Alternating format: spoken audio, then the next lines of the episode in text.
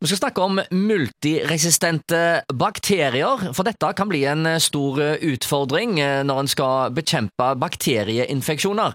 Men før vi snakker om det, vi har fått med oss Arne Kristian Moen, tidligere lege, ordfører i Haugesund. Når det gjelder koronapandemien, da snakker vi om et virus. Og der ble det tatt i bruk for første gang en helt ny form for vaksineteknologi. La oss begynne der. Det var altså ikke så galt at det ikke var godt for noe, dette med pandemien da? Ja, det var jo et paradigmeskifte eller en revolusjon, eller bruk de ordene du vil, i forhold til type vaksinasjon. For denne type vaksinasjon ser jo veldig ut som å ha mye mindre bivirkninger enn eh, en standardvaksine. Selv om ikke den er fri for bivirkninger, så har den i mye mindre grad det. Og kanskje det aller viktigste er at den har en mye større grad av effekt vi snakker altså 95% som er ekstremt høyt.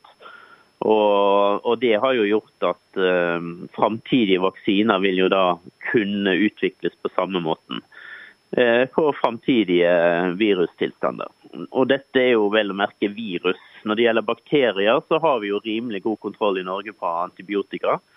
Men eh, vi vet at i enkelte land, spesielt i sør i Europa og Spania kanskje spesielt, så har man multiresistente såkalte bakterier, så det er vanskelig å behandle med antibiotika. Så, så mikroorganismene, virus og bakterier og til dels sopp blir en utfordring medisinsk sett framover uansett.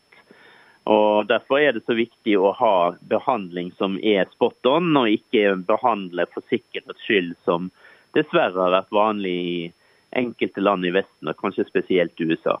Ja, Betyr ikke det at en eh, her nå òg må satse på eh, å lage nye medisiner da, som kan eh, erstatte antibiotika, altså hvis de blir mindre og mindre effektive? Ja, men det er jo det som er utfordringen.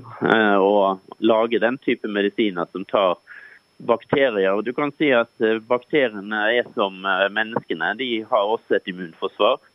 Så jo flere varianter de angripes med av antibiotika, så får de en sterkere motstandskraft.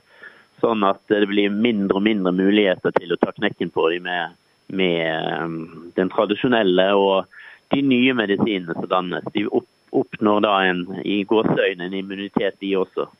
Så, så, dette er jo, som i mange ting i samfunnet, dette er et kappløp med sånn som, uh, sånn som Reagan likte å kalle det, det gode mot det onde. Og balansegangen her er det vi må leve med framover. Men det, dette har vi hatt i mange år, så dette er jo ikke noe nytt. Så så det skal vi nok greie å få til.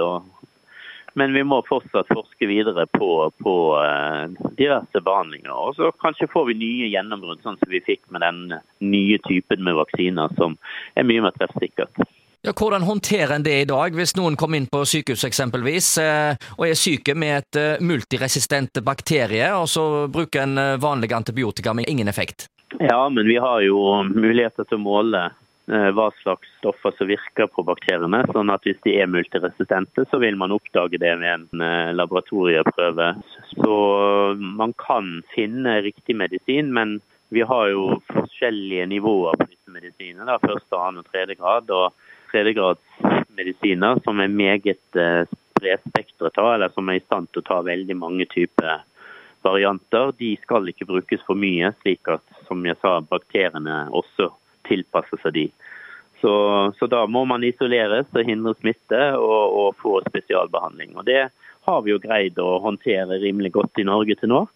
Og vi regnes vel nesten som et paradis i forhold til andre land med å ha svært lite multiresistente bakterier.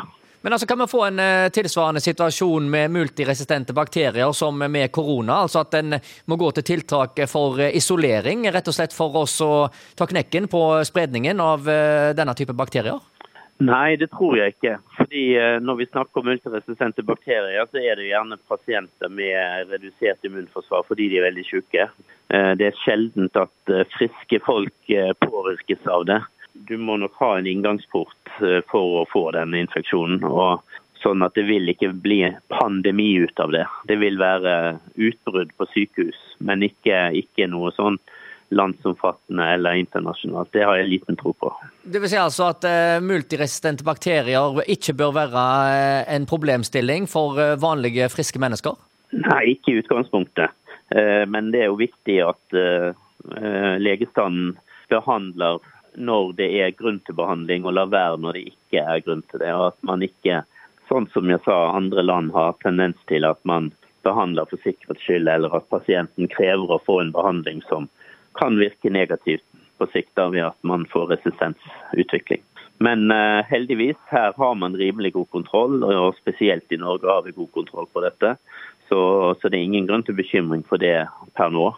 Som uh, kong Olav pleide å si, det er alltid vanskelig å spå, spesielt om framtiden. Ja, nettopp. Eh, hvordan er det med u-land? I u-land så har de knapt antibiotika, og dermed så får jo ikke noe resistensutvikling. Det er mangel på tilgang på antibiotika som er hovedproblemet deres, som man dør av en, hvis vi kan kalle det en standardbakterie. Akkurat. Så Det er jo gjerne vestlige land som bruker for mye antibiotika og, og, uten ukontrollert bruk av antibiotika, som er utsatt for dette. Ja, altså I Spania så har du vel kunnet kjøpe antibiotika på apotekene uten resept. Det var vel kanskje ja. ikke noe god idé? Nei da, det er Spania. Altså i USA hvor du da har en befolkning som krever å få den behandlingen av legen, selv om det kanskje ikke er indikasjon for det. Så, så, her har det vært forskjellig fra diverse land, mens Norge har vært veldig restriktive og, og greid å holde en, en, eh, veldig lav grad av resistens. Men myndighetene finner vel ut av dette etter hvert, og så innfører en eh, regler for å få bukt på dette? Jeg vet ikke, jeg skulle nesten tro at en brukte litt sunn fornuft her, når en oppdager at eh, dette er en problemstilling? Ja da, dette er jo i økende grad. Så ser man jo til Norge og de nordiske landene hvordan de har gjort det ved å holde, holde dette nede. og og dette er jo noe som en naturlig utvikling videre, at man, eh, man får en mer fornuftig bruk av, av, antibiotika. Look to Norway, sa han eh, amerikaneren. Ja. Det er ikke så dumt. Ja, det er overraskende. Det er en del områder hvor man gjør det. Det er ikke sånn at vi er helt håpløse, men det er noen områder vi er flinke på. og da har vi en internasjonalt samfunn, og da kikker man på der hvor de har gode resultater, som gjerne publiseres i internasjonale tidsskrift. Så, så får man øynene opp. Jeg hadde jo gleden selv å være i Spania et år, hvor da den norske måten å behandle en type kreft på var overlegens overlegent best. Og hvor da spanjolene hentet inn norske kirurger for å lære opp spanske kirurger til å gjøre det på den måten vi gjorde, og på den måten fikk ned eh, dødeligheten ganske så radikalt. Så samarbeid over landegrensene, det er viktig? Kjempeviktig. Når det gjelder medisin, kanskje helt avgjørende? Ja. Og Det sier altså en legeutdanna ordfører i Haugesund, Arne Kristian Moen.